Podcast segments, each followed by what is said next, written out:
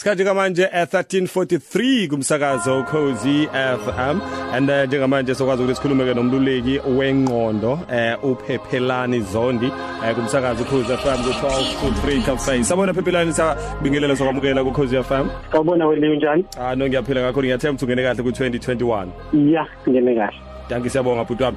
Eh namhlanje ephephelani sikhuluma ngendaba ukuthi eh ukwehluleka ngendlela eyimpumelelo and kubaleke ngani ukwazi ke ukubhekana nokuhluleka. Yes, um omunye wabangani bami ngihlale ngisho lento omunye wabangani bami akathandi kuba nabantwana. Isizathu sakhe asibekayo ngokuthi akathandi kuba nabantwana uthi uma befika abantwana emhlabeni kuzomela ngibe neresponsibility mina ukuthi ngibaqeqeshe ngibaqeqeshele ubuhlungu bempilo ngibaqeqeshele ubunzima bempilo. Yeah. Lokho kusho ukuthini? Lokho kusho ukuthi noma ngabe banophila emhlabeni asikwazi ukuqeda ukuphila la emhlabeni singadlulanga ezikhathini zobuhlungu zokukhala zokudangala nokwehluleka. So kubalulekile ukuthi sibe nendlela yokukwazi ukuthi ngoba lento vele iyinto eyingcenye yempilo ukwehluleka ubuhlungu.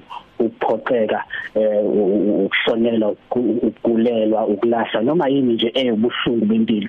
Kumele sikwazi ukuthi sithole indlela yokuthi sikumumathe ukwehluleka noma sihluleke ngendlela enempumelelo njengoba ngikunika ngithi failing successfully. So abanye abantu bayahluleka ukwehluleka kahle.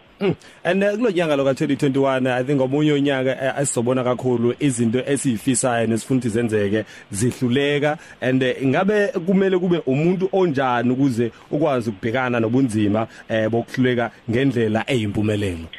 Yeah ake ngenze isibonelo nje.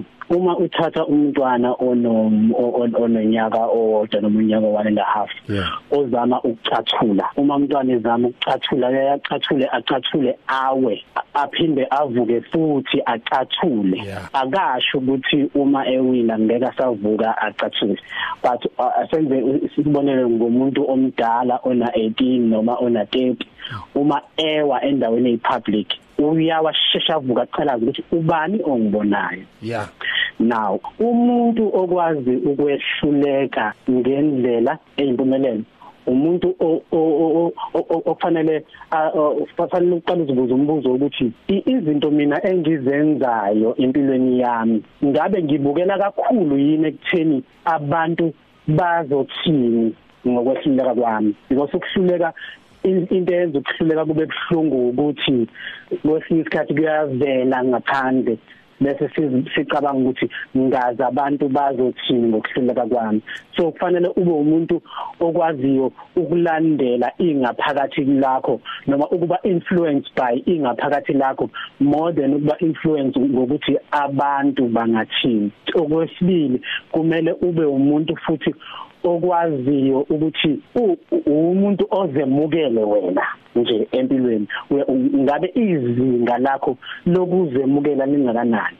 Angikusho lokho uma uma sizalwa sizalwa singayidingi iself esteem sidalwa singadingi ukuthi sizethembe. But uma sikhula sikhula sidinga ukuthi sakhe ukuzethemba ngoba ngoba inani esizinikela esizinikeza lona thina lokuthi sibaluleke kangakanani livele intweni eziningi ekutheni ngiyakwazi ukuphatha esikoleni. Ngifunde kangakanani? Nginawo yini umsebenzi?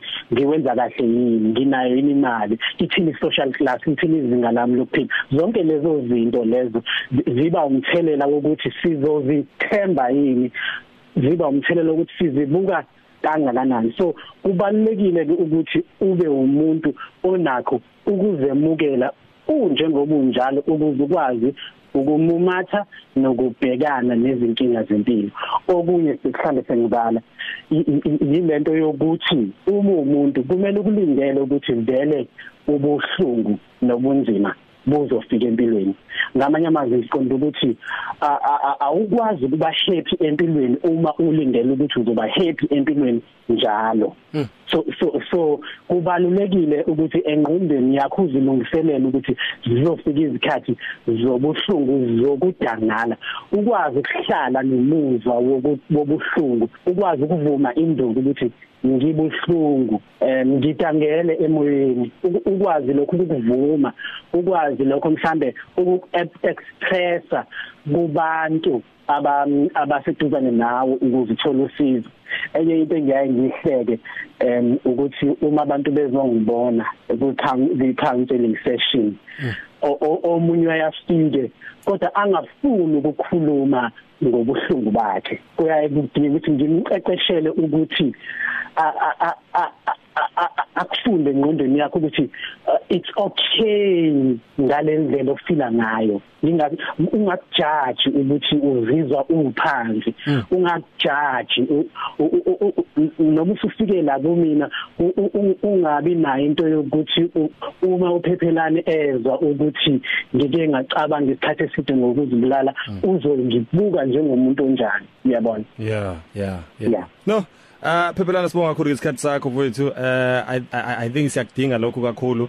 Eh siyawudinga udokotela wengqondo. Ingqondo zethu zidinga ukuthi zikhanselwe ngayo yonke indlela njengamanje ngoba kuningi okusazo kusazokwenzeka. Asazi kusasa lesiphatheleni asazi ziningi into esiyifisayo ukuthi sizenze. And khona abantu eh, abahlulekayo and mesehlulekile umuntu azibone isahluleki njengoba ukhuluma ukuthi umuntu asabe even ukukutshela ukuthi njengamanje ngiyahluleka ngoba uzobona ubuwiki bakhe ngokuhluleka kwakhe. Mm, mm. No sibonga kakhulu sokubona noma kanjani ngeviki elizayo kulungile. Abangafuna ukungithola kuma social media ngathi phephelani zonke counseling psychologist on Facebook and then on Instagram ngathi my happiness teacher. Danke siyabonga kakhulu phephelani Thanks Lee. 1351 isikhathi sakho umsakazo Cozy FM 1223 Cafe. Namhlanje asifani nezolo okusha kodwa.